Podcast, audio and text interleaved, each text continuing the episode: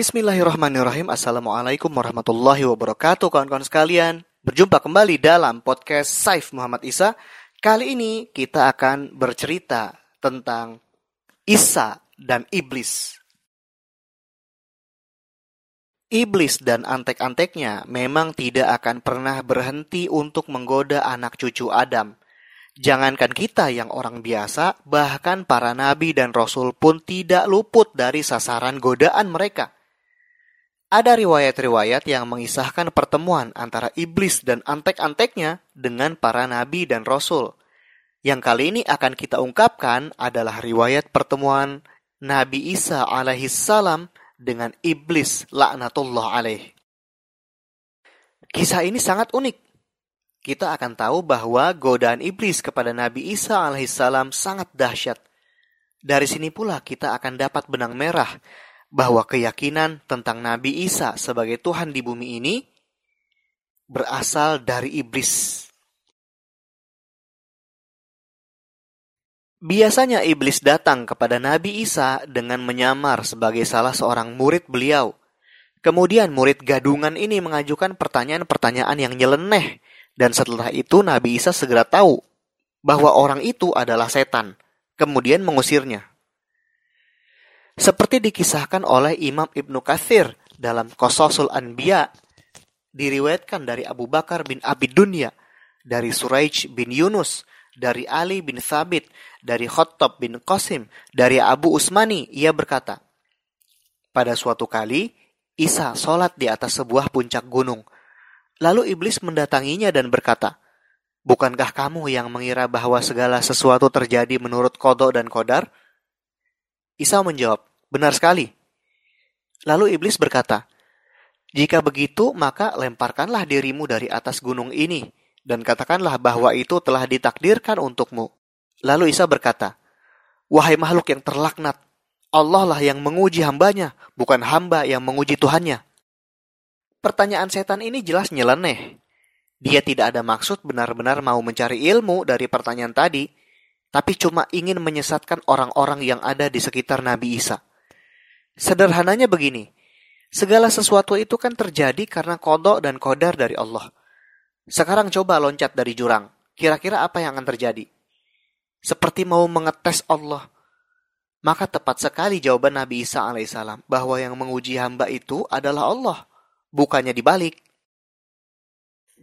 Imam Ibnu Kathir meriwayatkan dalam Qososul Anbiya dari Abu Hasan bin Raskowai, dari Abu Bakar Ahmad bin Sindi, dari Abu Muhammad Hasan bin Ali Al-Qahtan, dari Ismail bin Isa Al-Attar, dari Ali bin Asim, dari Abu Salamah Suwaid, dari salah satu sahabatnya. Ia berkata, Ketika Isa bin Maryam baru saja selesai melaksanakan sholat di Baitul Maqdis dan hendak keluar, tiba-tiba iblis mencegahnya untuk melanjutkan langkahnya.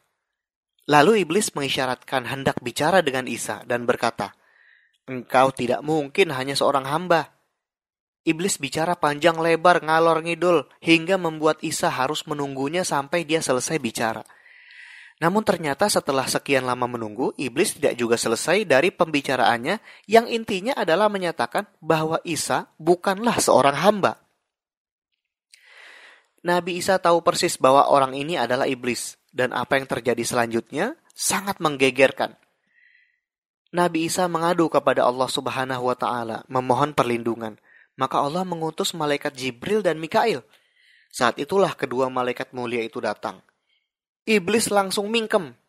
Jibril menonjok iblis dengan sayapnya, dan iblis pun terlempar hingga ke perut lembah. Tapi iblis nggak kapok-kapok. Dia balik lagi kepada Nabi Isa saat kedua malaikat mulia itu sudah pergi.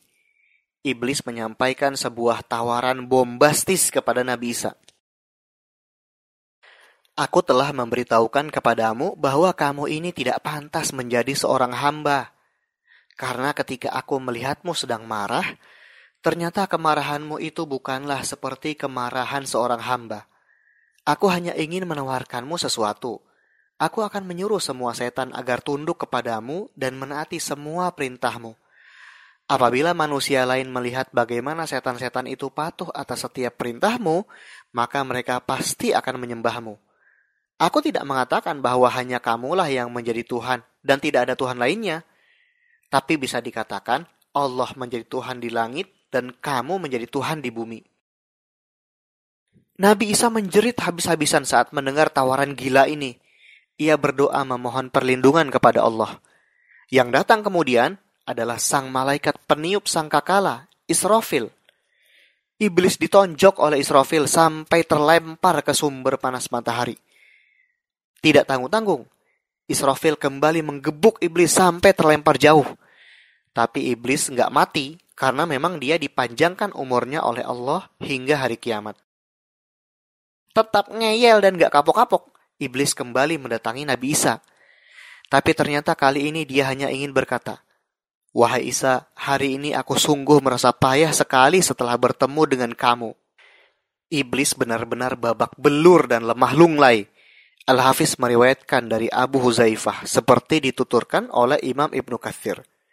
Setelah itu setan-setan bawahan iblis berkumpul untuk menemui atasannya itu dan berkata, Tuan kami, sepertinya Anda lelah sekali. Iblis menjawab, Sungguh Isa adalah seorang hamba yang selalu dilindungi. Aku sama sekali tidak dapat menggodanya. Tapi aku akan menggoda para pengikutnya Aku akan membisikkan kepada mereka berbagai kesesatan, dan aku juga akan membuat mereka terpecah belah sampai mereka menganggap Isa dan ibunya sebagai Tuhan selain Allah. Konspirasi iblis memang tingkat tinggi, tetapi jika kita berlindung kepada penggenggam langit dan bumi, Allah Subhanahu wa Ta'ala, sehebat apa pun tipu daya iblis menipu manusia, dia tidak akan punya kesempatan.